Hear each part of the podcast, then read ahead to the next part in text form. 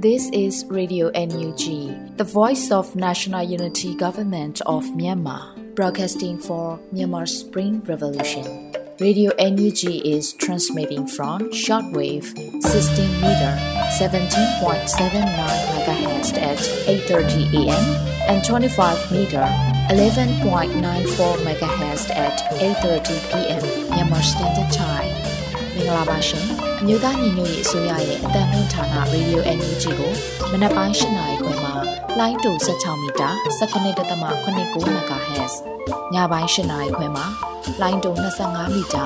17.6 MHz တို့မှာဓာတ်ရိုက်ဖမ်းယူနိုင်စေနိုင်ပါရှင်။မင်္ဂလာအပေါင်းနဲ့ပြည့်စုံကြပါစေ။အခုချိန်ကစပြီး Radio NUG အစီအစဉ်လေးကိုဓာတ်ရိုက်အတန်လွှင့်ပေးနေပါပြီရှင်။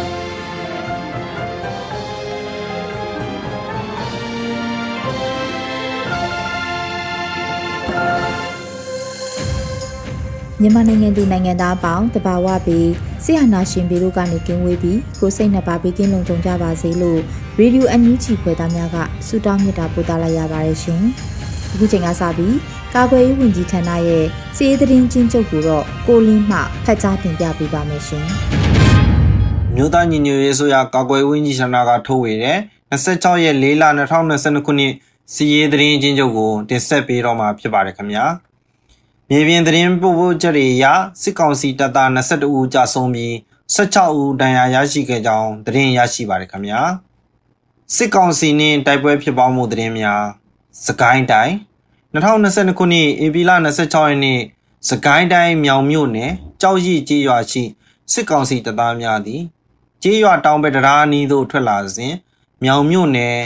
TGR ပြည်သူ့ကာကွယ်ရေးတပ်ဘိုနေတိုအထူးပြောကြားရေးတပ် BND 11 Brother Revolution Force မြိုင် Burmese Guerrilla Force BGF မြင်းကြံဗိုလ်တောက်ထွန်း MBTG တပ်ပေါင်းစုတို့မှရှစ်ထွက်မိုင်းတလုံးဆွဲတိုက်ခတ်ခဲ့ရာစစ်ကောင်စီတပ်သားများဒေဆုံးခဲ့မှုရှိခဲ့ပြီး6ဦးဒဏ်ရာရရှိခဲ့ကြောင်းသိရှိရပါတယ်ခင်ဗျာ2022ခုနှစ်ဧပြီလ26ရက်နေ့စကိုင်းတိုင်းကလေးမြို့နယ်နတ်ချောင်းကြီးရွာ၌စစ်ကောင်စီတပ်သားများနှင့် ကလေးမြို့နယ်ပကဖကလေးခရိုင် PDF တိုက်ရင်များနှင့်ထိတွေ့တိုက်ပွဲဖြစ်ပွားခဲ့ရာကလေးခရိုင် PDF တိုက်ရင်မှရဲဘော်တူ၏ရင်ဘတ်တွင်ကြီးထိမှန်ဒဏ်ရာရရှိခဲ့ပြီးစစ်ကောင်စီတပ်သားများတိစုံမှုရှိခဲ့ကြောင်းသိရှိရပါတယ်။2022ခုနှစ်ဧပြီလ25ရက်နေ့စကိုင်းတိုင်းရွှေဘုံမြို့နယ်ကြောင်မြောင်းမြို့မှာစစ်ကောင်စီတပ်သားများအင်အား20ခန့်ပါကားကြီးတစ်စီးအားမောင်းတက်ကြီးရွာလမ်းခွဲလမ်းဟောင်းအနီးတွင် ဒေသကာကွယ်ရေးတပ်ဖွဲ့များမှမိုင်း6လုံးဆွဲပြီးမိုင်းဆွဲတိုက်ခိုက်နိုင်ခဲ့ပါတယ်ခင်ဗျာတနင်္သာရီတိုင်း2022ခုနှစ်ဧပြီလ23ရက်နေ့တနင်္သာရီတိုင်းဗုတ်ပြင်းမြို့နယ်ပြည်ကြီးမန်နိုင်မြို့ရတနာပုံကြီးရွာတိုက်ပွဲတွင်စစ်ကောင်စီတပ်မှ3ဦးသေဆုံးခဲ့ပြီးလက်နက်ခဲယမ်းများသိမ်းဆည်းရမိခဲ့ကြောင်းသိရှိရပါတယ်ခင်ဗျာပဲခူးတိုင်း2022ခုနှစ်ဧပြီလ25ရက်နေ့ပဲခူးတိုင်းပဲခူးမြို့နယ် ပြည်သူ့ကာကွယ်ရေးတပ်မတော်ပဲခူးခရိုင်တပ်ရင်းအမှတ်1တပ်ခွဲနှစ်သည်စစ်ကောင်စီတပ်မ89လက်အောက်ခံအင်းတကောအခြေဆိုင်ခမရ105ခမရ109တို့၏ဂိတ်တဲနှင့်ပဲခူးတိုင်းပဲခူးမြို့နယ်အင်းတကောဥပိုင်စက်မှုဇုံဝင်လုံချိုရင်းဂိတ်တို့ကိုမိုင်းဆွဲတိုက်ခိုက်နိုင်ကြောင်းသိရှိရပါတယ်ခင်ဗျာမကွေးတိုင်း2022ခုနှစ်ဧပြီလ25ရက်နေ့မကွေးတိုင်းမြိုင်မြို့နယ်ကိုင်းနာရွာအနီးတပ်စခန်းချထားသည့် စစ်ကောင်စီတပ်သားအင်အားတရာကျော်အားမြိုင်မြို့နယ်ပြည်သူ့ကာကွယ်ရေးတပ်ဖွဲ့၏နတ်သားမြိုင်အဖွဲ့ငကနီအဖွဲ့မြိုင်တပ်ခွဲနှင့် KG အဖွဲ့ PKU မြို့ပြပျောက်ကြားအဖွဲ့နှင့်ပခုတ်ကူ PDF များပူးပေါင်း၍လက်နက်ကြီးများဖြင့်ပစ်ခတ်ခဲ့ခြင်းကြောင့်စစ်ကောင်စီတပ်သား9ဦးခန့်သေဆုံးခဲ့ပြီးအများအပြားထိခိုက်ဒဏ်ရာရရှိသွားခဲ့ကြောင်းသိရှိရပါတယ်။2022ခုနှစ် AB လ24ရက်နေ့မကွေးတိုင်းပခုတ်ကူမြို့နယ်ကိုင်းကြီးရွာအနောက်ဘက်နောပင်လမ်းခွဲအနီး ရောက်ရှိလာသည့်စစ်ကောင်စီတပ်သားများပခုတ်ကူမြို့ပြပြောက်ကြားတပ်ဖွဲ့နှင့်ကျေးလက်ဒေသပြောက်ကြားတပ်ဖွဲ့မြိုင်တို့၏ပူးပေါင်းစစ်စင်ရေးအဖြစ်ဗရေဒါမိုင်းနှင့်တိုက်ခတ်ခဲ့ရာစစ်ကောင်စီတပ်သား9ဦးတေဆုံးခဲ့ကြောင်းသိရှိရပါတယ်ခင်ဗျာ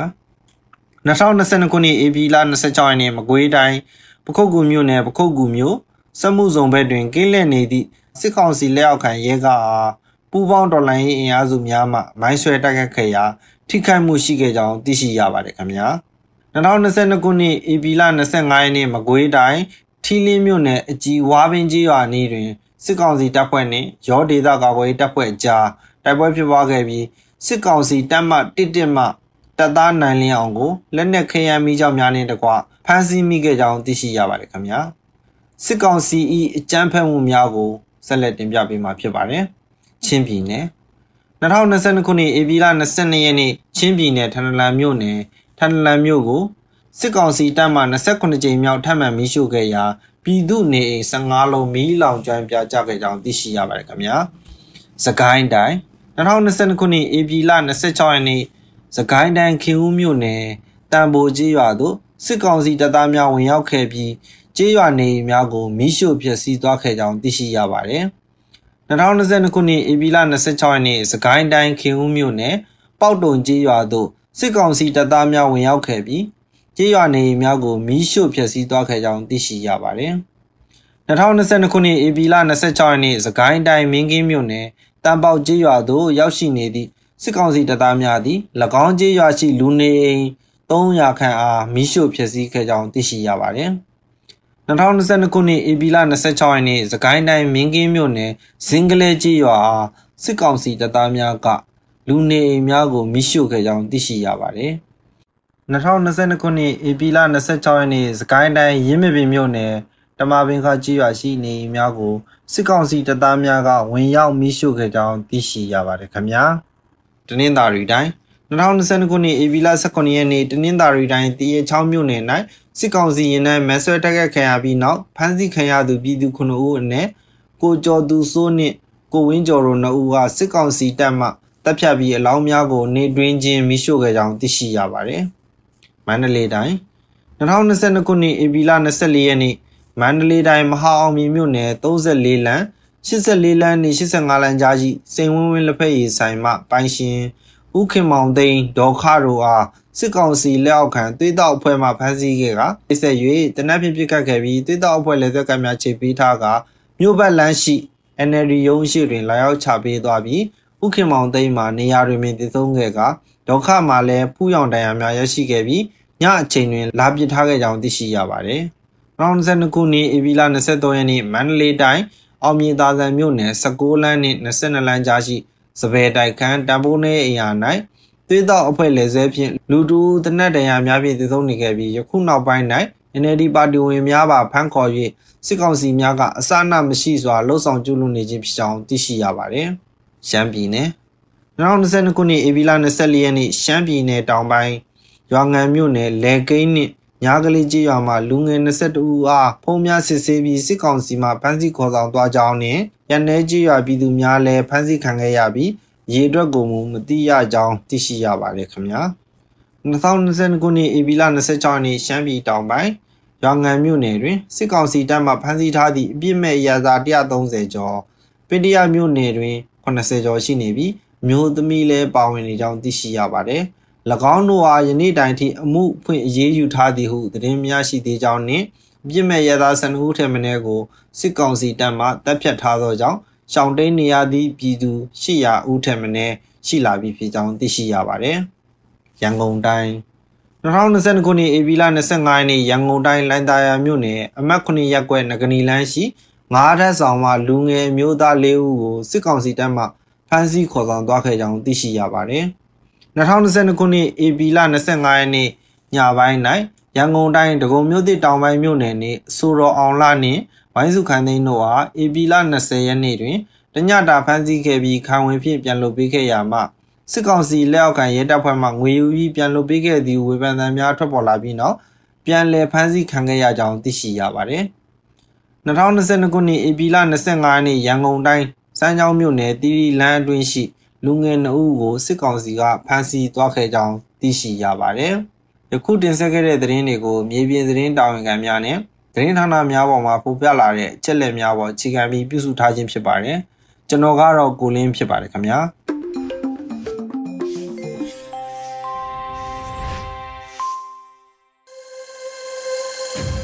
ရေဒီယိုအန်ယူဂျီရဲ့မနက်ခင်းစီစဉ်တွေကိုဆက်လက်တင်ပြနေပါတယ်။အခုတစ်ခါနောက်ဆုံးရသတင်းများကိုတော့ အေရီမှဖတ်ကြားတင်ပြပေးပါမယ်ရှင်။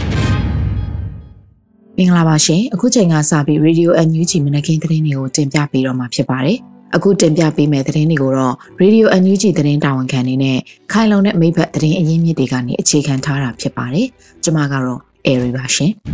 ပ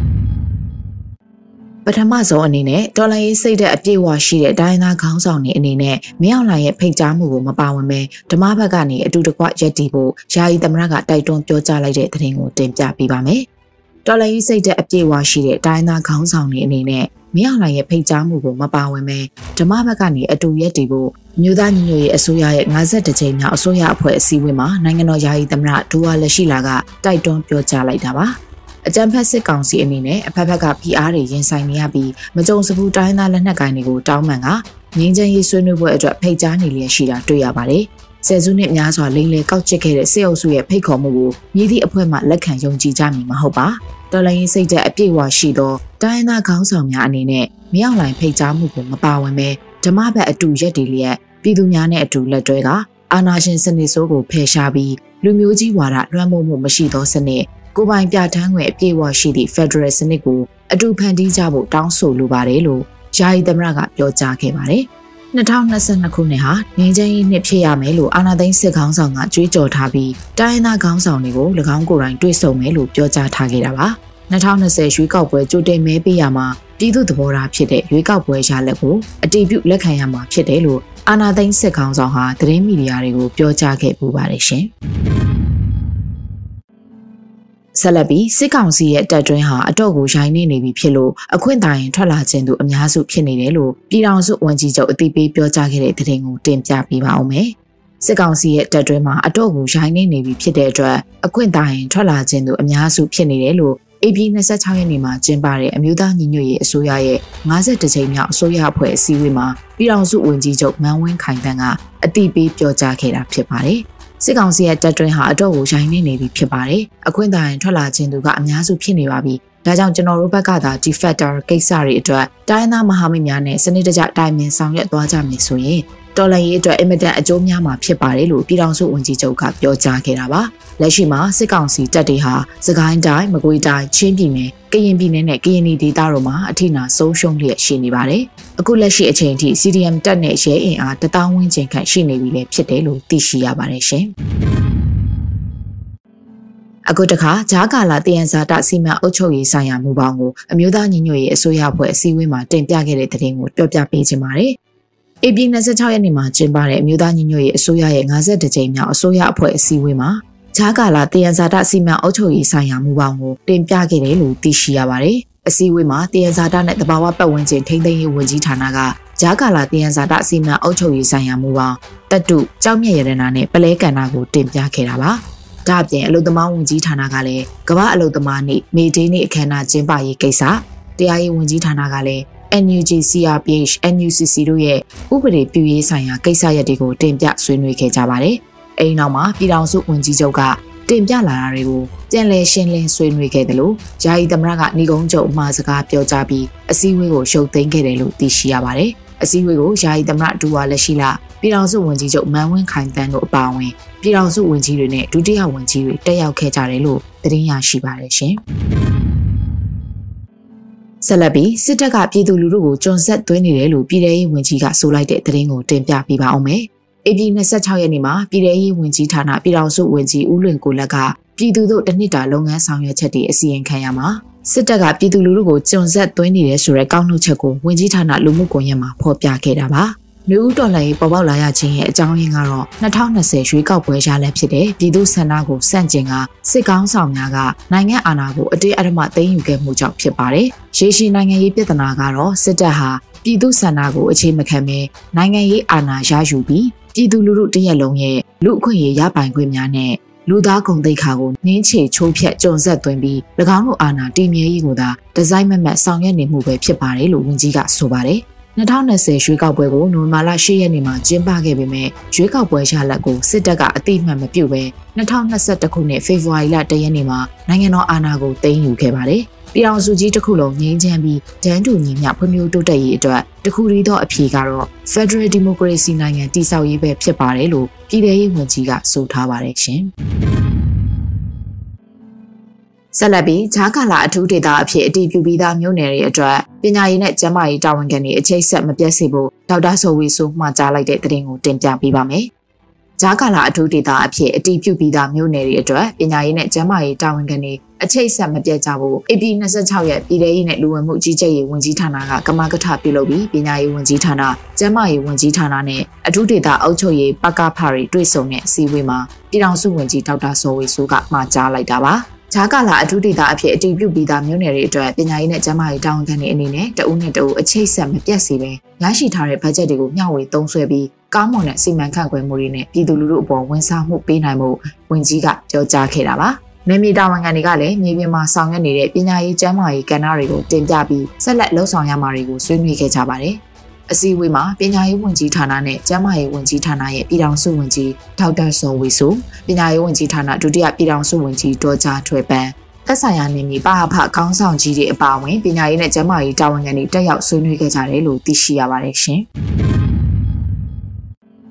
ဆက်လက်ပြီး CDM ခိုလုံသူစစ်ကောင်စီတပ်သား2ဦးကိုကော့ဘရာစစ်ကြောင်းကလက်ခံကြိုးဆိုထားတဲ့တဲ့တင်ကိုတင်ပြပေးပါမယ်။ AB 26ရက်နေ့မှာခမာယ1တထုံနဲ့ခမာယ959ဘုတ်ပြင်းကစီဒီယန်ခိုလုံလာသူစစ်ကောင်စီတပ်သား2ဦးကိုကော့ဘရာစစ်ကြောင်းကလက်ခံကြိုးဆိုခဲ့တယ်လို့ဖော်ပြထားပါတယ်။စီဒီယန်ခိုလုံသူတွေဖြစ်ကြတဲ့ခမာယ1တထုံကတပ်သားဝင်းထွန်းနဲ့ခမာယ959ဘုတ်ပြင်းကတပ်သားကျော်စောဟိန်တို့ဒီမက်လာ10ရက်နေ့ကရှေ့တန်းတနေရာတွင်ကော့ဘရာစစ်ကြောင်းထံသို့ဆက်သွယ်ခိုလုံခဲ့ကြပါတယ်လို့ဆိုထားပါတယ်။ကော့ဘရာစစ်ကြောင်းအနေနဲ့ စီဒီအန်အဖြစ်ပြည်သူရင်မှခိုလုံလာကြသူတွေကိုနှွေးထွေးစွာကြိုးစိုးလက်ခံလျက်ရှိပြီး၎င်းတို့နဲ့မိသားစုရဲ့လုံခြုံရေးနေထိုင်ရေးတွေကိုတာဝန်ယူစောင့်ရှောက်ပေးလျက်ရှိတယ်လို့သိရှိရပါတယ်။ဒါအပြင်လက်နက်တဲ့တကွာ CDM ခိုလုံလာကြမဲ့သူတွေအနေနဲ့လည်း Cobra စစ်ကြောင်းရဲ့ page မှာဆက်သွယ်ဆောင်ရွက်နိုင်တယ်လို့ဖော်ပြထားပါတယ်ရှင်။အခုဆက်လက်ပြီးမန္တလေးနန်းတွင်ခလာရ1နှစ်တကရှေ့တန်းရောက်စစ်ကောင်စီတပ်သားတအူစစ်တပ်နဲ့ပျောက်ကြားတပ်ဖွဲ့ထံကိုဆက်သွယ်အလင်းဝင်ခဲ့တဲ့သတင်းကိုလည်းတင်ပြပေးပါအောင်မယ်။ မန္တလေးနန်းတွင်ခလာရ1နှစ်တကရှေ့တန်းရောက်စစ်ကောင်စီတပ်သားတအူကျတဲ့နဲ့ပျောက်ကြားတပ်ဖွဲ့ကိုဆက်သွယ်ပြီးအလင်းဝင်ရောက်ခဲ့တယ်လို့ AB 26ရက်မှာအလင်းဝင်လာတဲ့တပ်သားကိုကျတဲ့နဲ့ပျောက်ကြားတပ်ဖွဲ့ကလွတ်မြောက်နေမျိုးကိုလုံခြုံစွာပို့ဆောင်ပေးနိုင်ခဲ့ပြီးဖြစ်တယ်လို့ထုတ်ပြန်ထားပါတယ်။တပ်သားကျော်စင်အောင်ကိုပိုင်အမှတ်တ961511မန္တလေးနန်းတွင်ခလာရ1နှစ်တည်းယနေ့နေ့တွင်ရှေ့တန်းတနေရာမှာထွက်ပြေးကကျတဲ့နဲ့ပျောက်ကြားတပ်ဖွဲ့သို့ဆက်သွယ်ပြီးပြည်သူများနဲ့ပူးပေါင်းလာပါတယ်။ စီဒီယန်ပြုတ်လောက်လာသောတပ်သားကိုကျတဲ့နဲ့ပျောက်ကြားတပ်ဖွဲ့မှလွတ်မြောက်နေမည်သို့လုံခြုံစွာပို့ဆောင်နိုင်ခဲ့ပါတယ်လို့ဖော်ပြထားပါတယ်။ကြန့်ရှိနေသေးတဲ့ရဲသားစစ်သားတွေလည်းအချိန်မီပြည်သူ့ကာကွယ်ရေးတပ်ဖွဲ့တွေနဲ့အမြန်ဆုံးပူးပေါင်းကြဖို့တိုက်တွန်းအပ်ပါတယ်လို့ကျတဲ့နဲ့ပျောက်ကြားတပ်ဖွဲ့ကထုတ်ပြန်ထားပါတယ်ရှင်။အခုဆက်လက်ပြီး AB လအတွင်းစစ်ကောင်စီတပ်နဲ့ထိတွေ့တိုက်ပွဲဖြစ်ပွားမှု၄ချိန်နဲ့အထက်ရှိခဲ့ရမှာစစ်ကောင်စီတပ်ဖွဲ့ဝင်90ထက်မနည်းတိစုံခဲ့တယ်လို့ RKDF တပ်ဖွဲ့ကဆိုလိုက်တဲ့သတင်းကိုတင်ပြပေးပါမယ်။ ဧပြီလအတွင်းမှာစစ်ကောင်စီတပ်နဲ့ထိတွေ့တိုက်ပွဲဖြစ်ပွားမှု၄ချိန်နဲ့အထက်ရှိခဲ့ရမှာစစ်ကောင်စီတပ်ဖွဲ့ဝင်90ဦးထပ်မံတေဆုံးခဲ့တယ်လို့ AP 26ရက်နေ့မှာကလေးတောင်ပိုင်းစစ်ရေးလှုပ်ရှားမှုအချုပ်ကို Ranger ကလေး Defense Force RKDF တပ်ဖွဲ့ကထုတ်ပြန်ပါတယ်အခုလအတွင်းပူပေါင်းတပ်တွေနဲ့အတူ RKDF နဲ့စစ်ကောင်စီတပ်ထိတွေ့တာတိုက်ပွဲဖြစ်ပွားမှု၄ချိန်နဲ့အထက်ဖြစ်ပွားခဲ့ပါတယ်။ထိုတိုက်ပွဲများအတွင်းအကြမ်းဖက်စစ်ကောင်စီဘက်မှ90ဦးထပ်မံကြာဆုံးခဲ့ပါတယ်လို့ဆိုပါတယ်။ RKDF ပြည်သူ့ကာကွယ်ရေးတပ်မှအထူးကအကြဆုံးမရှိအောင်မြင်စွာတိုက်ခိုက်နိုင်ခဲ့ပါတယ်။ပူပေါင်းတပ်ဖွဲ့တွေကတိုင်းပြည်နယ်လူမျိုးအတွက်အသက်ပေးပြီးဂုံရောင်ပြောင်စွာကြာဆုံးခဲ့တဲ့ရဲဘော်ရဲဘက်အပေါင်းကိုလေးစားစွာဥညွတ်အလေးမီပြုပါတယ်လို့လည်း RKDF အဖွဲ့ကဖော်ပြထားပါတယ်ရှင်။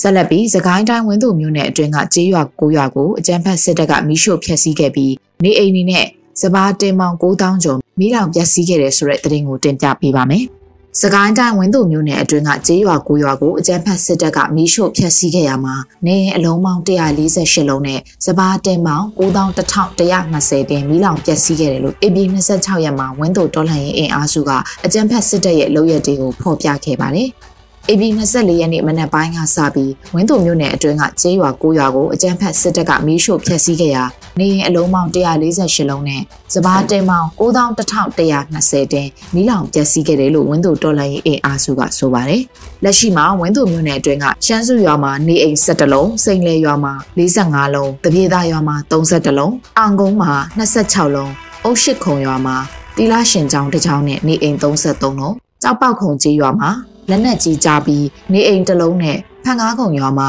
နေအိမ်တစ်လုံးစုစုပေါင်း148လုံးမီးထဲပါသွားခဲ့တယ်လို့သိရှိရပါတယ်။ဒါအပြင်စဘာတင်မောင်9120တင်လည်းမီးထဲပါသွားခဲ့ပါတယ်။ စစ်ဘေးရှောင်နေကြရသူတွေအနေနဲ့ရှမ်းစုမှာ94ဦး၊စိန်လယ်မှာ352ဦး၊တပြေတာမှာ260ဦး၊အောင်ကုန်းမှာ135ဦး၊ကြောက်ပောက်ခုံမှာ145ဦးနဲ့အုတ်ရှိခုံရွာမှာ215ဦးစုစုပေါင်းစစ်ဘေးရှောင်ဦးရေကတော့1148ဦးထိရှိလာခဲ့ပြီဖြစ်တယ်လို့သိရှိရပါတယ်ရှင်။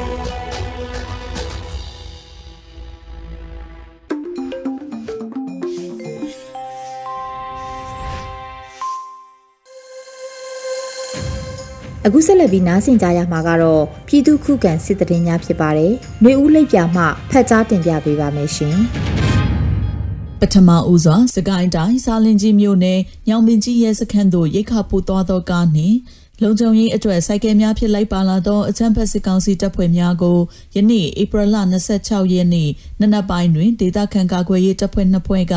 မိုင်းဆွဲတိုက်ခိုက်ခဲ့ကြောင်းနေမြေခံသတင်းရင်းမြစ်ဖြစ်သည့်စားလင်းကြီးမြို့နယ်သတင်းမှန်ပြန်ကြားရေးအဖွဲ့ထံမှသိရှိရပါသည်။အဆိုပါရိတ်ခါကားနှင့်စိုက်ကယ်များကို Young People Force YPF နှင့်အမိမြေတပ်ဖွဲ့တို့ကပူးပေါင်းပြီးမိုင်းဆွဲတိုက်ခိုက်ခဲ့ခြင်းဖြစ်ပြီးစစ်ကောင်စီတပ်ဖွဲ့ဝင်များထိခိုက်ဒေဆုံးမှုရှိမရှိကိုအတိမပြုနိုင်သေးကြောင်းနေမြေခံသတင်းရင်းမြစ်ကပြောဆိုပါသည်။ဆလပီရွှေဘိုကြောင်မြောင်းကားလန်တွင်စစ်ကားမိုင်းဆွဲခံရပြီးစစ်သား၈ဦးထပ်မံတေဆုံးတဲ့တဲ့တင်ဆက်ပါမယ်။စကိုင်းတိုင်းရွှေဘိုကြောင်မြောင်းကားလန်အုံပေါက်ကျေးရွာအရှိဘက်ချမ်းမောင်းတက်ကျေးရွာလမ်းခွဲအနီးအကြမ်းဖက်စစ်ကောင်စီကတစည်းကိုဒေသကာကွယ်ရေးတပ်ဖွဲ့ကဧပြီလ25ရက်ညပိုင်းတွင်မိုင်းဆွဲတိုက်ခိုက်ရာစစ်သား၈ဦးထပ်မံတေဆုံးခဲ့ကြောင်း21 SPTF ထမှသတင်းထုတ်ပြန်ပါတယ် အဆိုပါစကားသည်ကြောင်မြောင်းမှရွှေဘိုသို့ထွက်ခွာလာသောကားဖြစ်ကြောင်း Burmese Dragon Force နှင့်ပူးပေါင်းကည8:20မိနစ်တွင်ရှေ့ထွက်မိုင်းကိုလုံးဖြင့်ဖောက်ခွဲတိုက်ခိုက်ခဲ့ခြင်းဖြစ်ကြောင်း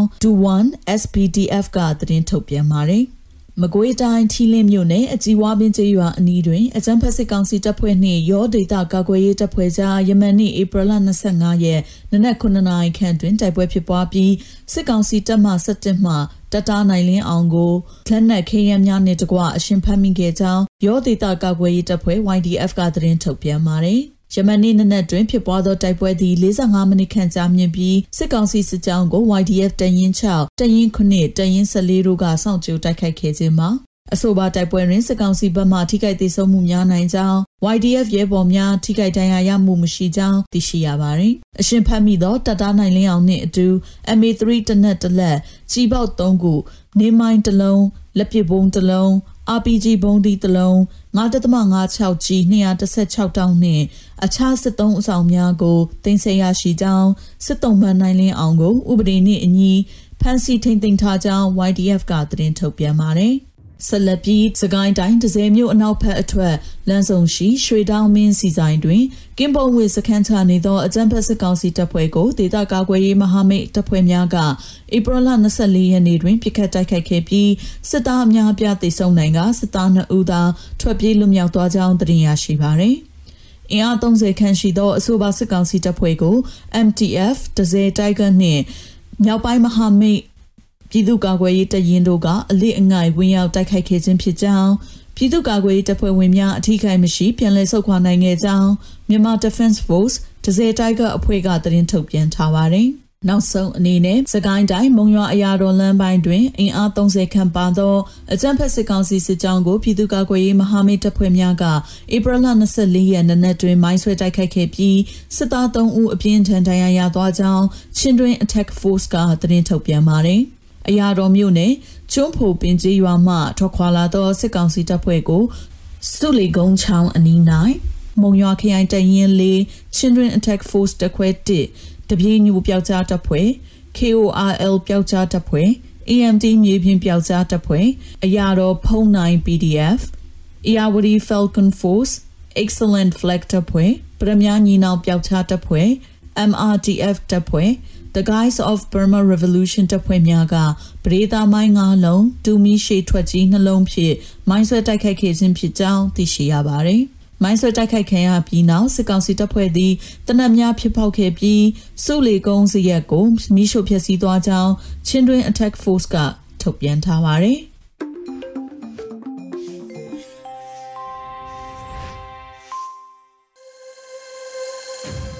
ရေဒီယိုအန်ယူဂျီပရိသတ်တွေအတွက်ဆက်လက်ပြီးနားဆင်ကြရမှာကတော့ PPTV ရဲ့နေ့စဉ်သတင်းများကိုထက်ထက်အင်ဒရာအောင်မှဖတ်ကြားတင်ပြပေးပါမယ်ရှင်။ပထမဆုံးတင်ဆက်ပေးမှာကတော့ရဲတပ်ဖွဲ့ကနေ CDN ပြုလုပ်ထားသူ9000ခန်းထိရှိထားပြီးတော့3000ခန်းလောက်သာအမျိုးသားညီညွတ်ရေးအစိုးရနဲ့ဆက်သွယ်ထားပြီးကြန့်ရှိတဲ့သူတွေလည်းလာရောက်ဆက်သွယ်ကြဖို့သတင်းထုတ်ပြန်လိုက်တဲ့ဆိုတဲ့သတင်းမှာရဲတပ်ဖွဲ့ကနေ CDN ပြုလုပ်ထားသူပေါင်း9000ခန်းထိရှိထားပြီးတော့ အဲ့ဒီထဲက3000ခန်းလောက်သာအမျိုးသားညီညွတ်ရေးအစိုးရကိုလာရောက်ဆက်သွယ်ထားတဲ့အတွက်ကြန့်ရှိနေသေးတဲ့ CDN ရဲတွေအနေနဲ့အမြန်ဆုံးလာရောက်ဆက်သွယ်ပေးကြဖို့အတွက်ပြည်ထောင်ရေးနဲ့လူဝင်မှုကြီးကြပ်ရေးဝန်ကြီးဌာနကဧပြီလ25ရက်နေ့မှာသတင်းထုတ်ပြန်လိုက်ပါတယ်။ ထုတ်ပြန်ချက်ထဲမှာအကြမ်းဖက်စစ်ကောင်စီအာဏာသိမ်းပြီးချိန်ကစလို့ယနေ့အချိန်ထိပြည်သူရင်ဝင်ကိုခုလုံလာကြပြီးတော့ဝင်ကြီးဌာနရဲ့ CDN ပြည်သူရဲတပ်ဖွဲ့ယာယီအုပ်ချုပ်ရေးကော်မတီနဲ့ချိတ်ဆက်ပြီးတပ်အားတာဝန်ထမ်းရွက်လုပ်ကိုင်လျက်ရှိတဲ့ CDN ပြည်သူရဲတပ်ဖွဲ့ဝင်အင်အားစိန်ဟာဧပြီလ25ရက်နေ့ထိစုစုပေါင်း2938ဦးရှိထားတယ်လို့ဆိုပါတယ်။ဒါအပြင်အကြမ်းဖက်စစ်ကောင်စီထံပူးပေါင်းတာဝန်ထမ်းဟန်ဆောင်ပြီးတော့ ပြည်သူ့ဘက်ရက်တည်နေတဲ့ Pre-CDN ရဲတပ်ဖွဲ့ဝင်အင်အားက34ဦးထိရှိတယ်လို့လည်းဖော်ပြထားပါတယ်။ဝင်ကြီးဌာနကစုံစမ်းသိရှိရသမျှသူရဲကောင်း CDN ပြည်သူ့ရဲတပ်ဖွဲ့ဝင်အင်အားစရင်6000နဲ့9000ကြားမှရှိခဲ့ပြီးတခြားချိတ်ဆက်မရသေးတဲ့သူရဲကောင်း CDN ပြည်သူ့ရဲတပ်ဖွဲ့ဝင်တွေကိုဝင်ကြီးဌာနဘက်ကလည်းချိတ်ဆက်နိုင်ရေးအတွက်ကြိုးပမ်းလျက်ရှိရာ ချိတ်ဆက်မရသေးတဲ့သူရဲကောင်း CDN ပြည်သူ့ရဲတပ်ဖွဲ့ဝင်တွေအနေနဲ့လည်းဝင်ကြီးဌာနရဲ့ပြည်သူ့ရဲတပ်ဖွဲ့ယာယီအုပ်ချုပ်ရေးကော်မတီထံကိုအမြန်ဆုံးဆက်သွယ်ဆောင်ရွက်ပေးကြဖို့အသိပေးထားတာကိုတွေ့ရပါတယ်။အမျိုးသားညီညွတ်ရေးအစိုးရပြည်ထရေးနဲ့လူဝင်မှုကြီးကြပ်ရေးဝန်ကြီးဌာနအနေနဲ့